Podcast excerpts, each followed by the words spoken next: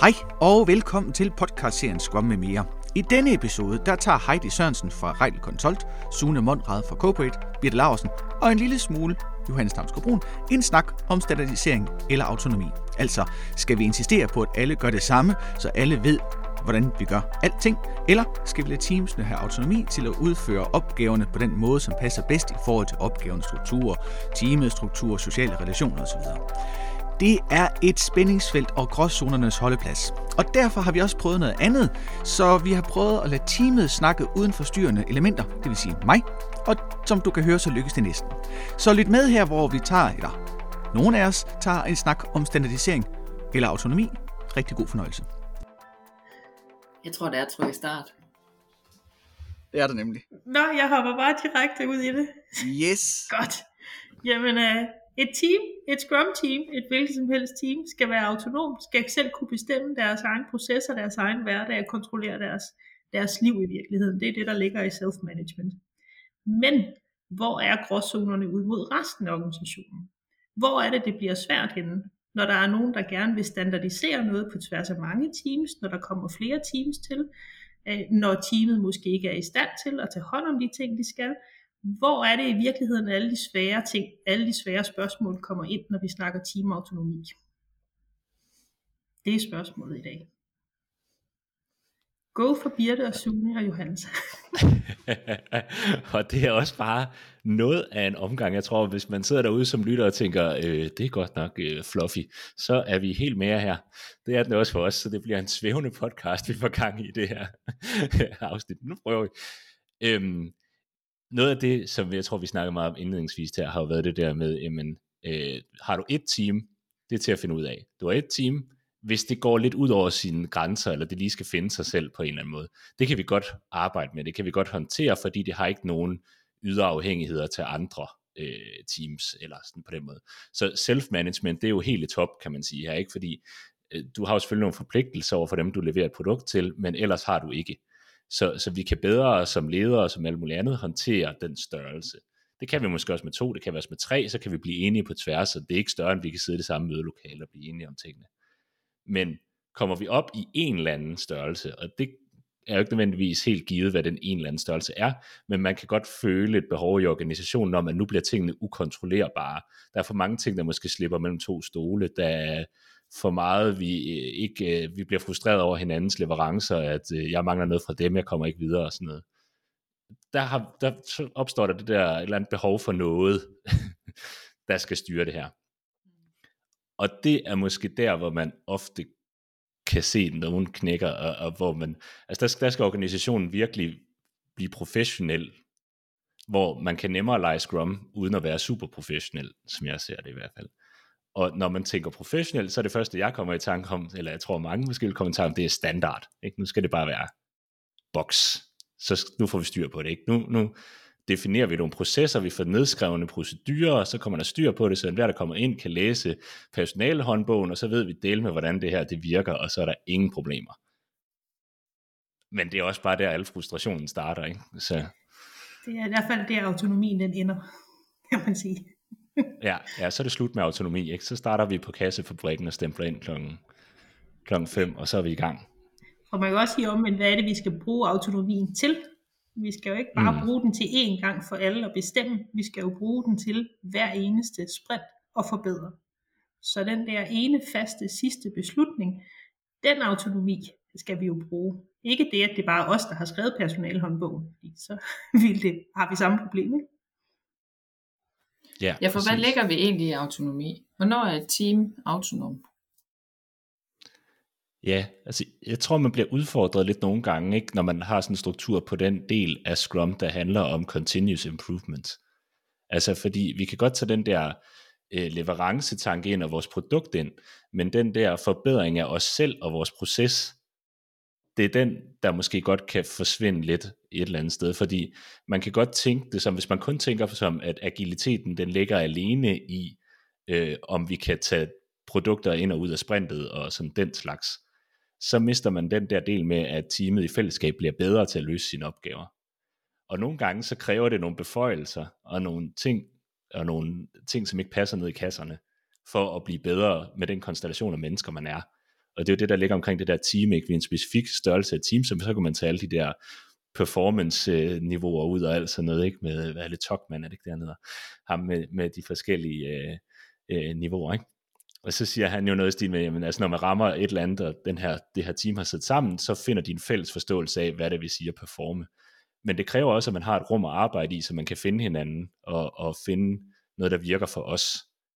Og noget, der virker for os, er ikke nødvendigvis noget, der virker for en anden flok. Altså det kan være, at vi øh, ikke skal have vores møder klokken 9 om morgenen, vi skal have dem klokken 11, øh, fordi vi skal lige have lov at lande og læse vores mails. Eller, altså, der er en hel masse omstændigheder, som vi sammen kan finde ud af over tid, ved hjælp af de her retrospektivs. Ikke?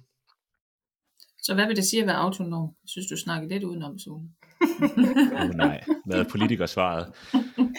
øh, åh, det er så svært, ikke? Men jeg, jeg tror, jeg synes, det der med at være autonom, det er at have nok øh, wiggle room til at kunne øh, ændre de ting, som står i vejen for en. Og det kan man lidt i den her størrelse bedst se som team selv. Altså det er svært udefra måske at pege en finger af, hvad det er, der kan ændres, men hvis du spørger, kan jeg godt komme op med noget, som jeg synes, vi skal gøre anderledes næste gang.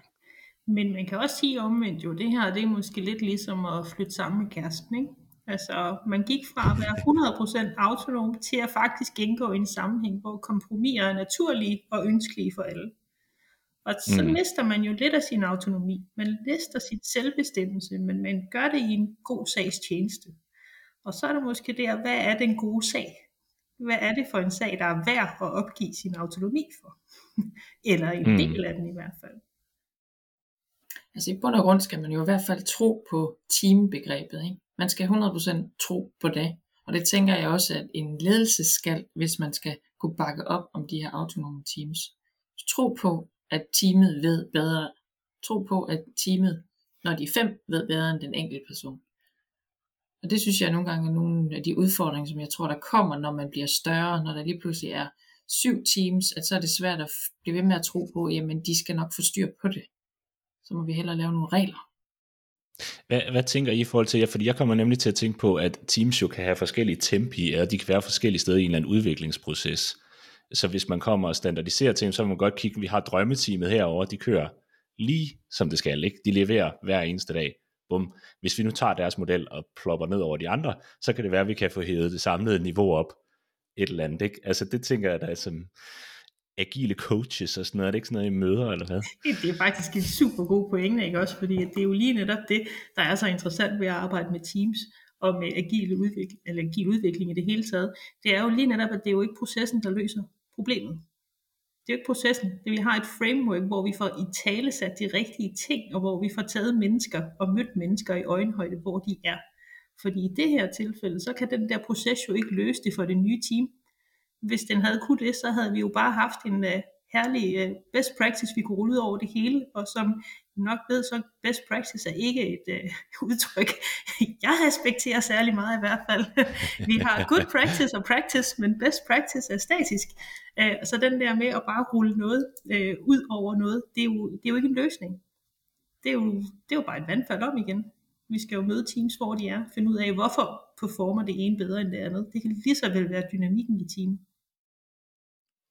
jeg tror også, der er noget inden for spejderverdenen, den kan vi jo godt lige hive frem en gang imellem, men inden for spejderverdenen, der har man det der begreb, der hedder learning by doing, øh, som er en respekt for, at man ikke kan forklare nogen nødvendigvis, hvordan de skal opføre sig, man er nødt til at, at prøve det på egen krop.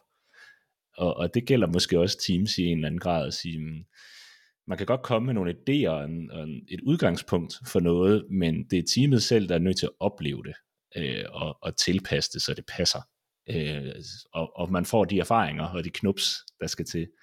Og der kan det måske i hvert fald være fristende at tage en best practice approach til det, ikke? og sige, vi har, vi har jo løsningen her, og den, den putter vi ned over hele baduljen, og så kører det. Øhm, men jeg tænker, det, det handler de om, at det er at stille de, stille de best practice, altså de skal være transparente og synlige, så andre kan lære af den, eller kigge i dem og se, det mm. duer ikke hos os. Altså de her, vi skal kunne lære hinanden udfordringen på, på tværs. Øh, men jeg tror, når man sidder som, som leder, og man, man i en, en eskalationsproces, og vi bliver, bare bliver større, og nu skal vi ansætte flere, så tror jeg helt automatisk, man tænker, at vi skal have mere struktur Vi skal have mere styr på nogle ting. Hvordan får vi det? Ja. Det kan man også sagtens have ret i jo. Altså det er jo også... Øh, det kan man.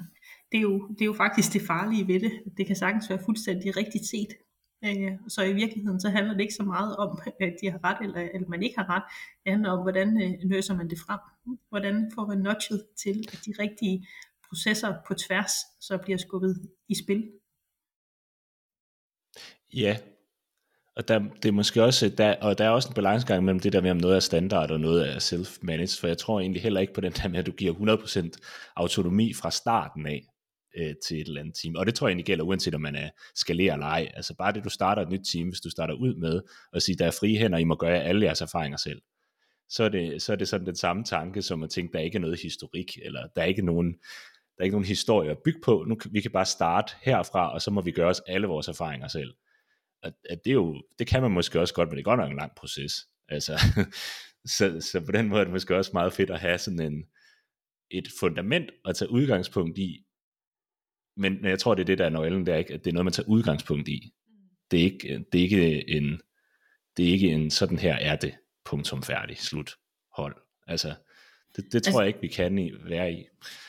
Jeg synes, de erfaringer, jeg har med forskellige teams, hvor man så, hvis forestiller sig, at man har tre scrum teams, så skal man lave et fjerde, og med nogle af dem fra de eksisterende tre, så tager de også et fundament med videre. De ved, hvad, hvordan det er, vi arbejder. Men det bliver ikke det samme i, i team 4. Fordi mm. det er mm. andre mennesker, det er en anden kultur, det er en anden dynamik, der er. Men man har jo historikken med, som du siger. Ja. Men hvis, øh, ja, der er også en anden ting, jeg tænker kan være lidt en udfordring, ikke? fordi nu, nu, det kommer an på, hvad det er, man lige går og ruder med, men hvis man nu forestiller sig, at man sidder i en organisation, som har forskellige teams, men det er alt sammen er relateret, så kan man godt have nogle leverancer til hinanden. Og jeg forestiller mig lidt, uden sådan rigtigt at sidde så meget med det, men hvis man nu har en, der må opstå noget frustration, hvis man har et team, der kører der ud af med en eller anden frekvens, som afhænger af et andet team, som måske kan være dygtige og alt sådan noget der, men, men processen, den, den spiller ikke helt og så, så skal de lave noget leverance, der skal passe ind i det her team, som nu har de altså lige fået velocityen helt op, og, og det kører bare. Øh, der opstår også et eller andet, som måske kan være noget af det, sådan frustration, som kan være, hvad skal man sige, gnisten til, at man tænker, vi kan gøre tingene mere ensartet, for ligesom at få ting til at passe. Altså, øh, kasserne går op, øh, vi har samme tidshorisont, og, og, og vi ved, hvor hinanden er og sådan noget. Altså, men at gøre ting mere ensartet er jo heller ikke forkert. Nej. Det kan jo sagtens være det rigtige at gøre i det tilfælde. Men igen kan det også sagtens være, at det slet ikke er processen ensartet eller ej, som er udfordringen. Fordi i virkeligheden ligger der jo i autonomi og self-management, der ligger jo rigtig store forventninger til, at individet tager ansvar. Og tager ansvar for at gå ind og være i teamet. For nogle af de team, altså for at have sin autonomi, skal man jo kunne overholde øh, sine egne regler for det første. Øh, man skal også stadigvæk kunne spille ind i det behov, organisationen har for svar på nogle spørgsmål eller for leverancer for noget andet. Og det, det kræver alligevel, at man som team også øh, tager det ansvar, der ligger i at være self-managed. Øh, det, det er både en, en gave og det modsatte at, at få self-management, fordi der kommer ansvar og pligter med det. Øh, det er ikke alle teams, der har lyst til det, skulle jeg hilse at sige. Nej, og det er bestemt Ej, heller ikke alle også... individer, der har lyst til at sidde med den der, og det kan man jo også hurtigt mærke i et team, ikke? at selvom vi så kan sige, at der er ikke noget, der hedder team leads roller, og der er ikke noget, der hedder arkitekter og sådan noget, men vi har jo stadig kompetencen i teamet. Der er jo stadigvæk nogen, vi har opgaven at, at lead, kan man sige. Altså der er, no, der er ligesom nogen, der tager mentorrollen på sig, der er nogen, der, der, øh, der hjælper teamet og løfter teamet. Øh, og hvis vi ikke har sådan nogen, og hvis vi kun har folk, som egentlig ikke har lyst til at være selvstyrende, så bliver teamet jo aldrig godt. Altså, det bliver jo ikke mere autonomt, end det ønsker at være. Nej. Nej, det er rigtigt. Men jeg tænker også, øh, også på, at, at ja, det er det der med, at self-management kommer med en forpligtelse på en eller anden måde. Ikke? Altså hvis man har autonome teams, så har teamet et eller andet sted, det er en, det er en, en tovejskontrakt. Altså teamet har også en forpligtelse til at være udadgående. Altså så, så man har lov til at styre tingene selv, men det kommer øh, med den pris, der hedder, at så skal du også selv levere ud, sådan så at dem omkring dig øh, får deres behov stillet. Og, og hvis man ikke gør det, men så beder man om, øh, at nogen kommer og kontrollerer, eller hvad man skal sige. Ikke? Fordi så kommer der hurtigt en fornemmelse af, at tingene kører skævt. Øh, fordi vi kan jo ikke se noget, Øh, og hvad foregår der, og alt det her. Så den der transparens øh, går, jeg synes, man ikke har lyst til at blive kigget i kortene, så er man også nødt til at vise sin kort på et eller andet tidspunkt, så, altså, hvad man skal sige. Øhm, og, og hvis man sætter kontrakten op på en måde, og siger, at vores team kører sådan her, I kan forvente det her også, vi leverer på de her tidspunkter, og så leverer man på den parameter, eller det kommer til at gå skævt, så er man ærlig omkring det. Så tror jeg også, det er nemmere for en manager eller en leder på et højere niveau at have teams, der er mere selvorganiseret og kører forskelligt, og så kan man godt, okay, men de, de kører altså med den her frekvens her over deres processer, sådan og sådan, det kan jeg forvente sådan sådan, jeg kan måske putte det i min kalender eller et eller andet, det kan sådan, og der kommer en anden time og siger, åh, jeg mangler virkelig meget af dem her i år, et eller andet. Jamen, det kan du ikke få, for jeg ved godt, at de her, de ikke er helt øh, klar før om en uge, og så kan man mitigere i det der øh, landskab måske lidt bedre. Men jeg tror, man er nødt til at, at være ærlig og udadvendt. Det skal være transparent. Helt enig. Jeg har oplevet mm. nogle teams, som er lidt, altså som, som bliver kaldt selvfede. Og, ja. og det betød simpelthen, at øh, specielt ledere omkring det blev negative på den. Altså, de ja, kunne ja, ja. være nok så dygtige, men så bliver de bare, ja, man må ikke blive selvfed. Men hvad skal en stakkels øh, manager gøre, når, man skal, når det nu går fra noget småt og til noget større? Hvornår skal man indføre nogle regler, procedurer og metoder? Og... Ja, det er jo et godt spørgsmål, synes jeg. Og jeg er heller ikke sikker på, at der er et entydigt svar.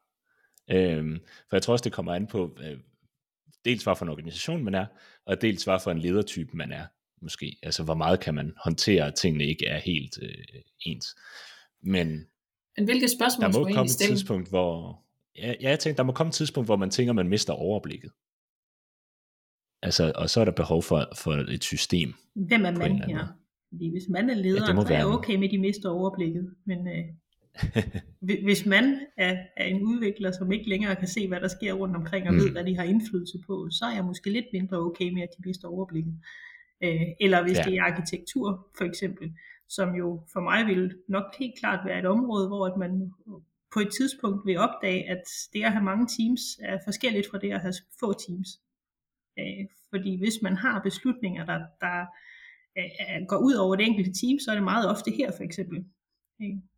en anden ting, som vi selv har set for nylig, det er sådan noget som change-processer for eksempel. Ikke? Altså hvis der er nogle dele af organisationerne, som kører mere ITIL traditionelt, eller hvis man bare ønsker at have en vis tryghed i sin leverance og leve op til nogle standarder, så er der måske sådan noget som en change-proces, øh, der skal kunne, man skal kunne gennemføre en audit på. Og det kan jo være helt rimeligt at gøre det på egne måder, men vi må måske også kigge på, kan der også være noget her, der kan standardiseres. Det er jo fair nok, at en definition of done, alle punkterne ikke kommer fra teamet, men nogle af punkterne leveres af organisationen. Det er jo fair. Mm. Men hvis alle punkterne leveres af organisationen, så har vi et problem. Jeg tænker nogle gange, når man, hvis man sad som øh, leder et sted, og man, når der kommer udfordring, når der bliver eskaleret ting, så vil vi jo gerne fikse det. Ikke? Og jeg tror, jeg tror noget af det, som, som jeg kunne ønske, det var de spørgsmål, man, man stiller til hinanden i den her ledergruppe. Øh, mm. For eksempel omkring, jamen, den, den løsning, vi kommer med nu, er den, hvem er den god for?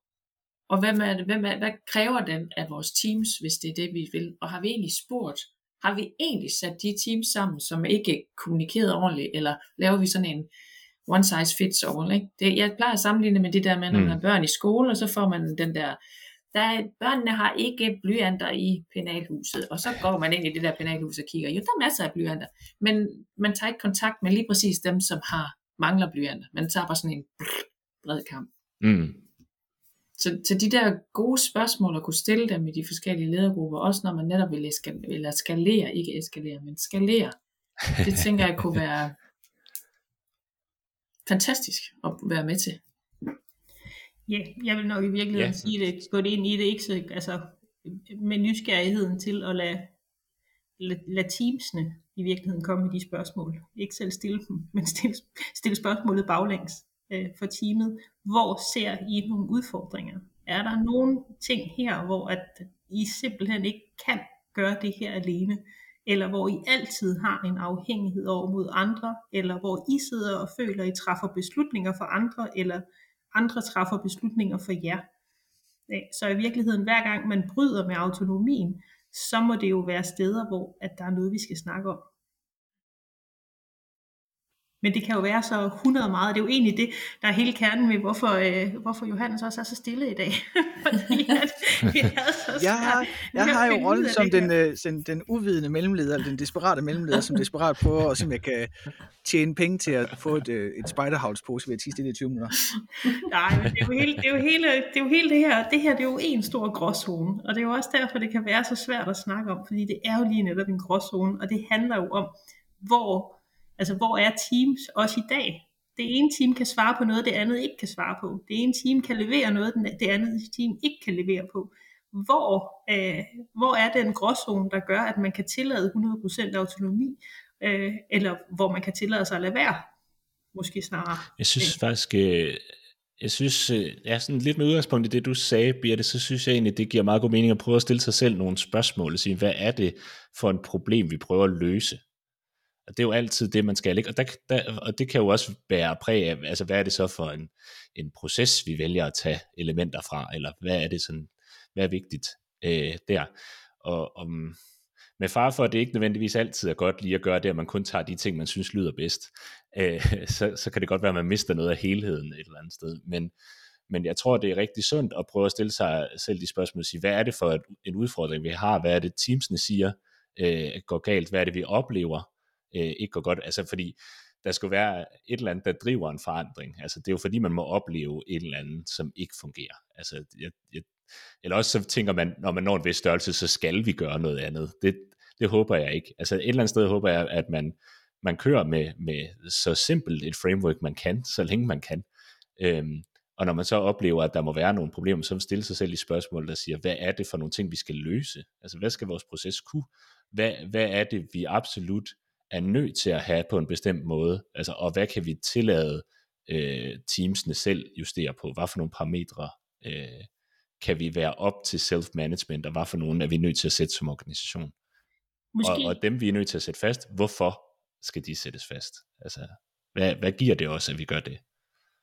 Måske den der spændende øvelse for en leder, der føler sig fristet til at gribe ind i sin organisation, det at kunne være at lave en user story på sit behov. Øh, fordi ja. vi har en tendens til, allerede der gjorde jeg det, vi siger vi hele tiden. Vi har behov for det her, vi har behov for mere styring på tværs, vi har behov for mere autonomi i teamsene. Men kom lidt mere konkret ind i, hvem er det rent faktisk har et behov, fordi vi kommer ikke mm. til at dække over hele organisationen, det er helt stensikkert. Så hvis man i stedet for at gå ud og sige til organisationen, nu har vi behov for at standardisere noget, så prøv at komme ud med en user story. Som leder har jeg behov for at kunne se det her eller som teammember har jeg behov for det her. Prøv at lave den user story for det teammember. Tænk sig ind i det scenarie, hvor det teammember har et behov, som du prøver at løse her. Altså, det, er, det, er, det er lidt sjovt at sidde på afstand og lytte til, for nu har jeg jo prøvet for en gang skyld ikke at sige så meget, for jeg tænker, nu, nu, nu skal jeg prøve at lytte til noget, jeg ikke helt forstår. Men det er sjovt, er, fordi I både påpeger, at det er meget svært, og alligevel, så er det i virkeligheden, det, det udfaldsrum, I definerer, er egentlig ikke særlig øh, øh svært at forstå i virkeligheden. Fordi I siger bare, at man skal ikke gå den ene, grøft og ikke den anden grøft. Man skal bare holde sig på midten. Sat sådan meget hårdt op på spidsen. Ikke? Fordi øh, den gode gamle biver, som man kan huske, at måske nævnte sidste gang, han har altid sagt, man kan ikke forvente, at folk går i takt, men man kan forvente, at de går i samme retning. Mm. Og retning, det kræver, at der er et tydeligt mål. Og det mål er der nogen, der skal sætte. Og det må være, hvis man definerer ledelse, for det, ja, det, man kan definere ledelse som deres opgave, det er at sætte målet. Og et mål må så også øh, indbefatte, at man definerer, hvordan folk arbejder sammen, når de tuffer rundt der hen mod målet. Så hvis ledelsen i virkeligheden holder sig til at snakke om interfaces, som du nævnte, Sune, altså hvordan, hvordan snakker nogen sammen, hvordan sker der noget overlevering? Lidt ligesom hvis man lader et system, hvis man definerer noget input og output for de forskellige elementer. Og man så øh, faktisk ikke gør så meget andet. Fordi det, den, det, når I så siger, at det er 100% autonomi, så tænker jeg, at det er også 100% autonomi til så ikke at have noget autonomi. Så det bliver igen sådan den der absolute idé om, at, at alle teams, altså der skal være plads til, at et team i virkeligheden vælger at sige, ved I hvad, vi vil kun arbejde efter best practices. Fuld stop, punktum. Vi vil ikke have nogen gode skabeloner, vi vil ikke have noget øh, opfinde selv, vi vil bare have at vide fuldstændig, hvad vi skal gøre. Og lige ved siden af, så sidder et andet team, der siger, vi skal kun gøre det, som vi selv vil. Så, så det handler mere om, hvordan teamet er, frem for at man skal have sådan et mål om, hvor meget autonomi teamet har. Så jeg kan godt forstå pointen med, at, at lederen skal stille users, altså lave user stories på, hvad der, hvad der er for problemer løser. Men jeg tror, jeg er tilbage ved, om det er en misforstået opgave ved ledelsen, at ledelsen tænker, at de skal opfinde problemer, de skal løse, om de virkelig ikke bare skal sige, at vi skal den vej. Ja, men det, det jeg tror, det er rigtig svært for de fleste, når først man kan se, at der er noget, organisationen faktisk ikke, faktisk ikke har prøvet før, og måske heller ikke er moden nok til. Fordi hvis der lige pludselig øh, kommer dobbelt så mange teams for eksempel, så er der pludselig en helt ny virkelighed, vi skal forholde os til, og vi er måske ikke færdige med at etablere os selv. Og så er det nemt at se, at der må opstå noget her. Der må være et eller andet, og nu hjælper jeg. Og, og det er jo i bedste intentioner. Det er jo heller ikke noget som helst galt med overhovedet. Øh, man skal bare lige passe på og lige tænke om der. Men jeg er egentlig for så vidt helt enig, fordi det er jo faktisk det, man skal, er jo at sætte hjørneflag. Fordi vi er jo alle sammen self-managed inden for et vist område, på en vis bane. Øh, det er jo ikke bare sådan, at teamet får et budget, og så giver sig selv lønforholdelser, øh, og så øh, i øvrigt sætter sig hjem og laver ingenting. Altså, så vi er jo ikke så self-managed. Vi har jo nogle hjørneflag og nogle måder, og det er jo de hjørneflag i virkeligheden, hvor skal de stå henne?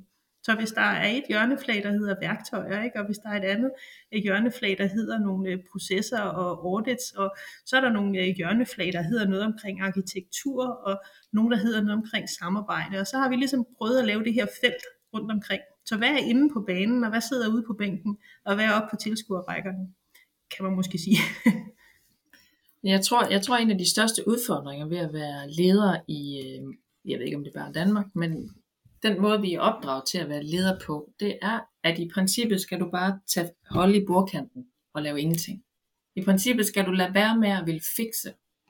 Og hvis jeg, hvis jeg synes, at der er noget, jeg lægger mærke til med ledere, så de vil med af bedste intention hjælpe og fikse. Så kan vi lige lave det her. Hvor de i princippet burde sætte en retning, sende det tilbage til Teams, og så gå tilbage og støtte. Fordi det, det, det, er, det er enerverende for teams også, når der bliver fikset rundt omkring, uden man er med i det. Og samtidig er det dræbende for en agil organisation, øh, hvis der bliver fikset på nogle lag, som, som slet ikke ved nok om, hvad der skal fikses. Sune, du nævnte det der spider noget. Jeg har sådan en lille mm. lyst til at fortælle en lille historie, fordi jeg tror, der er en bagside af det her autonomi, som, som øh, gør, at, det, at der er sådan en ufortalt slagside ved det. Ikke, ikke noget dårligt, men det har, hvis vi tager konsekvensen af autonomi, hvis vi sætter hjørneflagene, hvis vi gør det ordentligt, sådan at teamsene har en bane at spille på, så kommer der en ting, som det er stedfører en naturlig ting i min verden, hvis man gør det ordentligt. For mange år siden, der var der spejderlejr i Randers. Jeg var med som juniorleder, tror jeg, jeg har været et par 20, og så sad vi inde i troplederteltet. Jeg har aldrig i mit liv spist så meget kage. De der forældre, de kom cirka på besøg hver dag, og de alle sammen havde en kage med, og vi var faktisk, altså vi, vi kastede op i kage.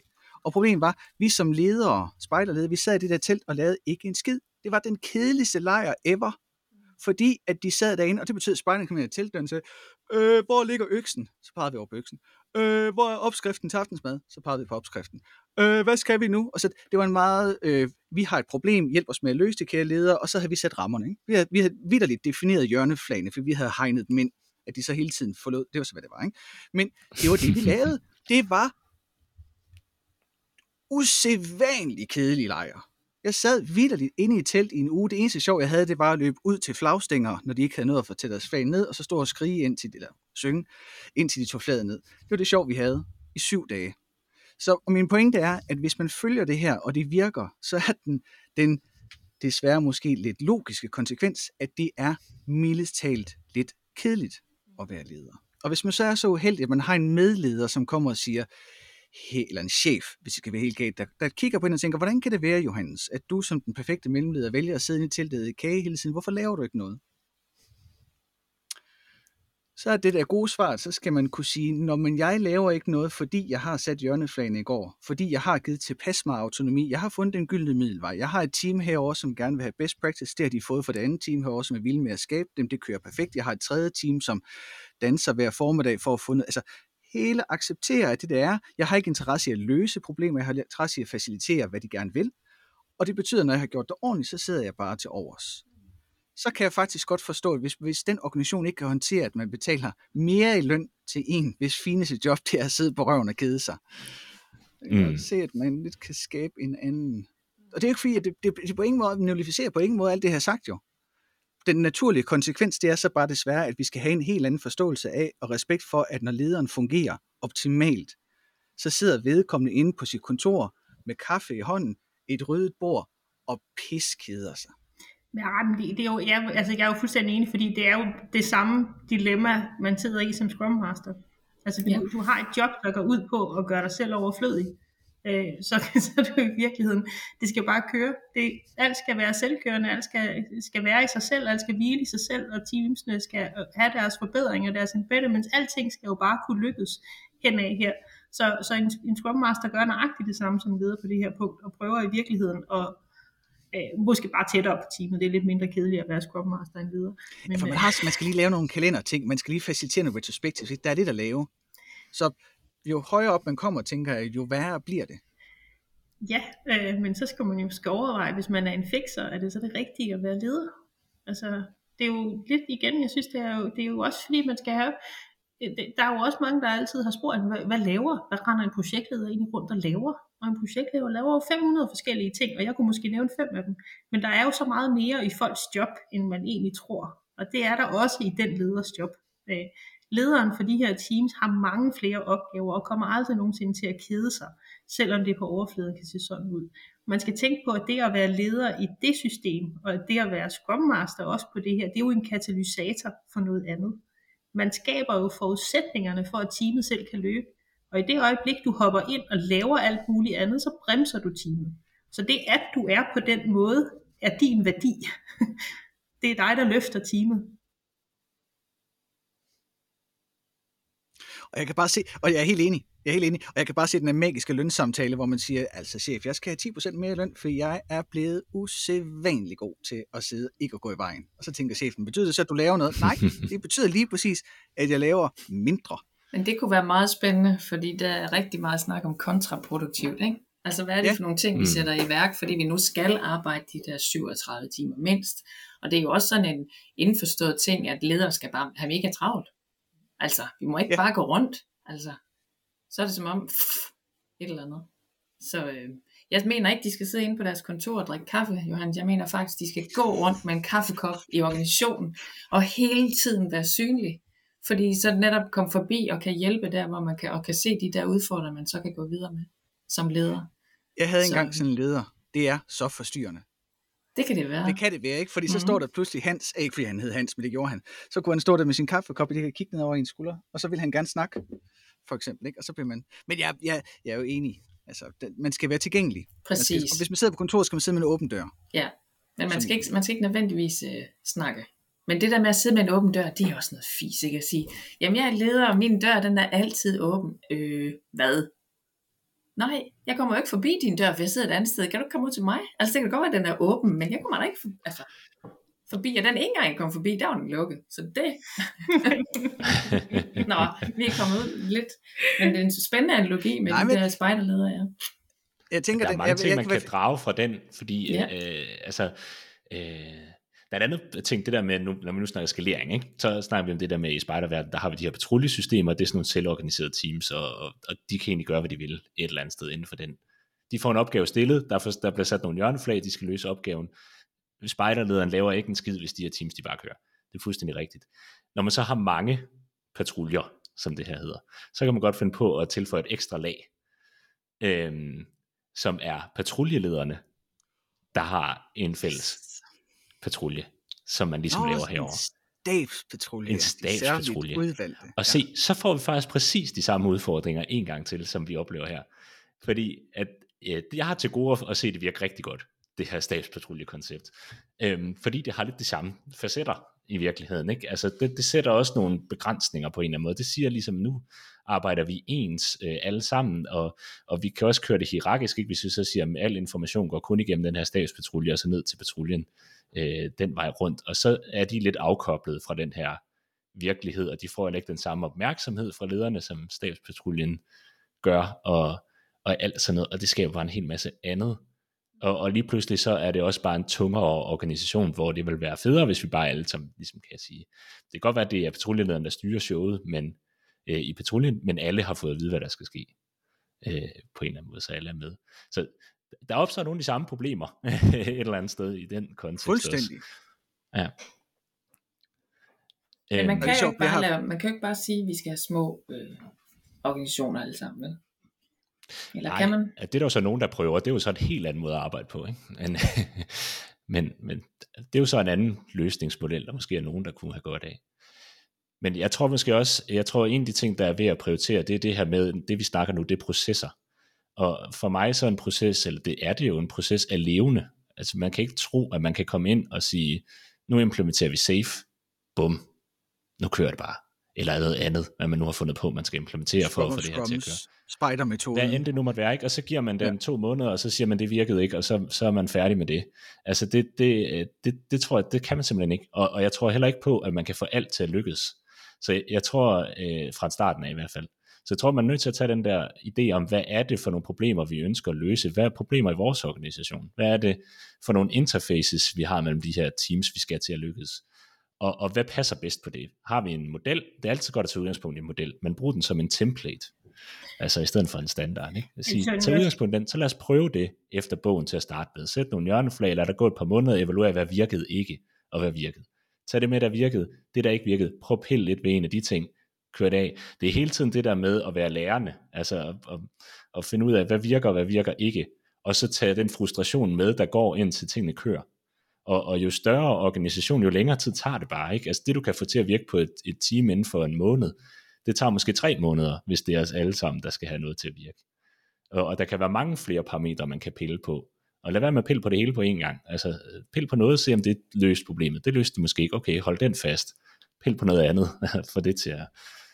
Så, så jeg tror, der er meget sådan en, der er dels en tålmodighed i det, og dels en, en meget stor bevidsthed omkring, hvad det er, man ønsker at løse. Og så lad resten være, altså gå sin gang et eller andet sted. Øhm, jeg tror, der er ja. lige netop den her med, at, at Scrum og alt, der hedder agil, det er ikke processer, det er frameworks. Og det er der en rigtig stor pointe i faktisk, hvorfor man vælger at kalde det frameworks i stedet for. Ja. Jeg vil jo påstå, at alt, hvad der findes af, af møder og artefakter og hvad ved jeg i Scrum, øh, de har alle sammen, alle sammen, hver en af dem har det formål at skabe en bedre kommunikation. Der er ikke et mm. møde, der ikke handler om at kommunikere bedre. Der er ikke en user story eller noget som helst andet, vi bruger i det her, der ikke handler om at få en bedre kommunikation. Vores backlog handler om at kommunikere vores større mål, vores sprint backlog handler om at kommunikere vores korte mål, vores retrospektiv handler om at kommunikere med hinanden om, hvordan vi bliver bedre. Alt handler om kommunikation. Så hvis man vælger at tro, at det er processen, der løser det, så bliver man passiv. Men hvis man vælger at sige, at det her det er kommunikations årsager, det er årsager til at have en snak om noget, så siger det jo også, at man er nødt til at lægge sig selv i det. Og du får præcis det ud af Scrum, som du lægger ind i Scrum.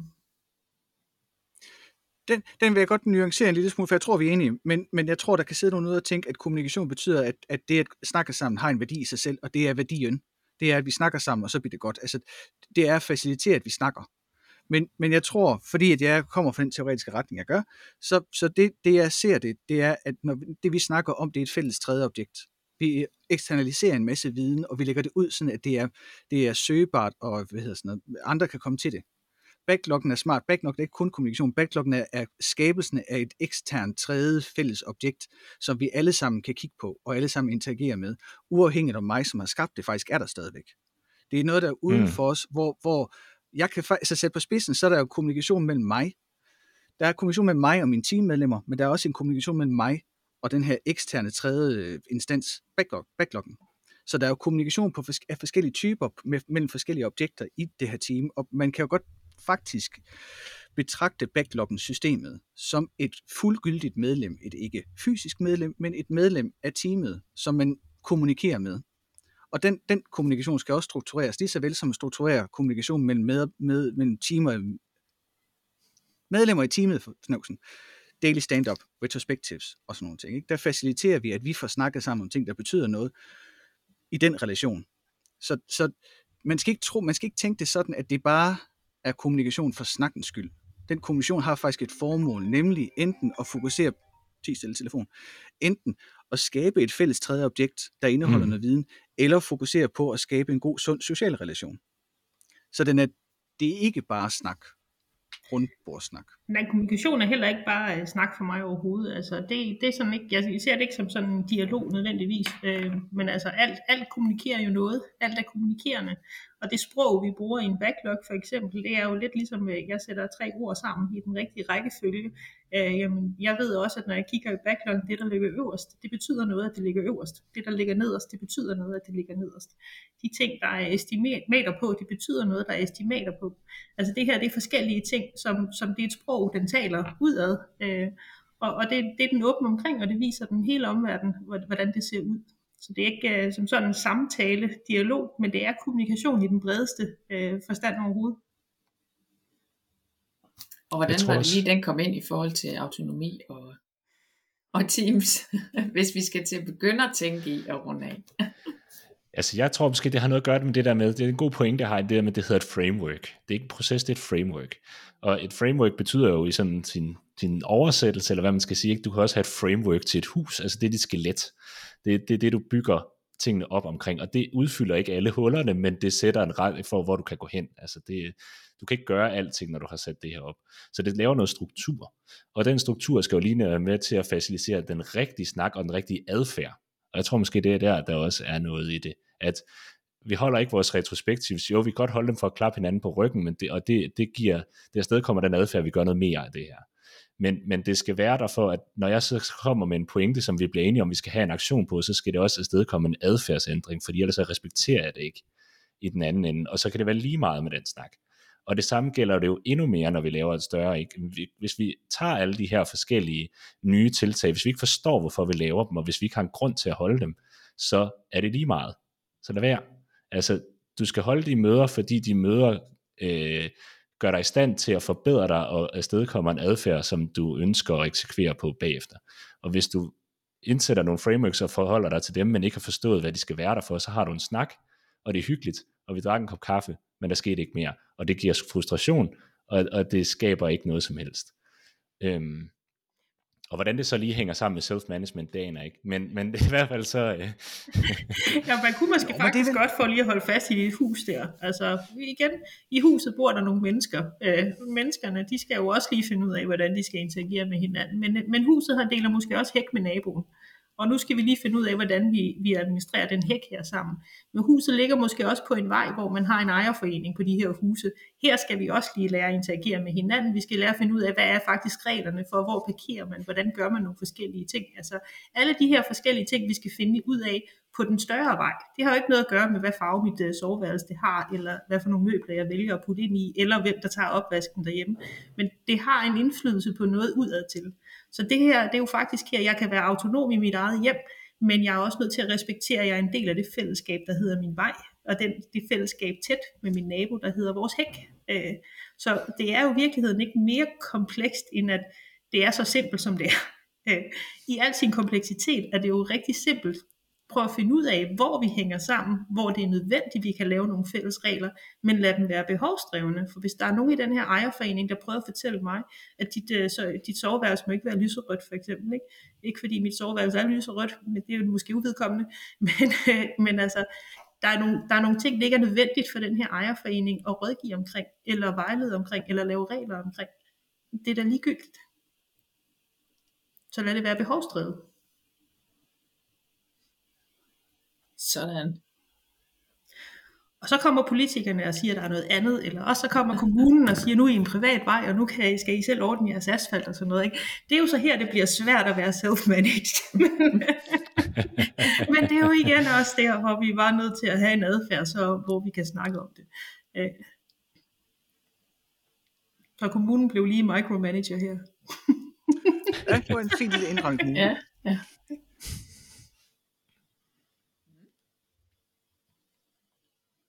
Var det afrundingen?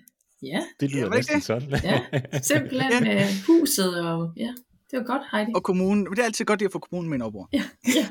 ja, så kan vi bashe kommunen, og så kan vi... ja. En fælles ydre fjende, det er dejligt. Måske kan Johannes, du så lige slutte af med at sige, hvem vi var. Nå, men det kan jeg sige i introen faktisk. Jeg kan sige det i introen, hvem det er vi var. fint. Øh, men jeg kan, jeg kan slutte af med at sige, at, øh, at jeg håber, at man har fået noget af snakken. Det var lidt en anden struktur, vi havde valgt i dag. Og øh, det er jo, det er jo fordi vi tænkte, nu kan, nu kan vi øh, skabe noget autonomi i teamet, så kan teamet selv definere strukturen. Og som altid, hvis man har spørgsmål, så kan man skrive til os, og så vil vi forsøge at svare på det efter bedste evne. Og ellers så håber vi, at man har lyst til at lytte med en anden gang. Og skulle man sidde derude med et ønske til et tema, eller en tematik, eller et eller andet sjovt, så kan man smække det på en mail, og så kan det ske, at vi vælger at snakke om det. Tak for jeres tid i tre. Og til jer derude. Farvel og god dag.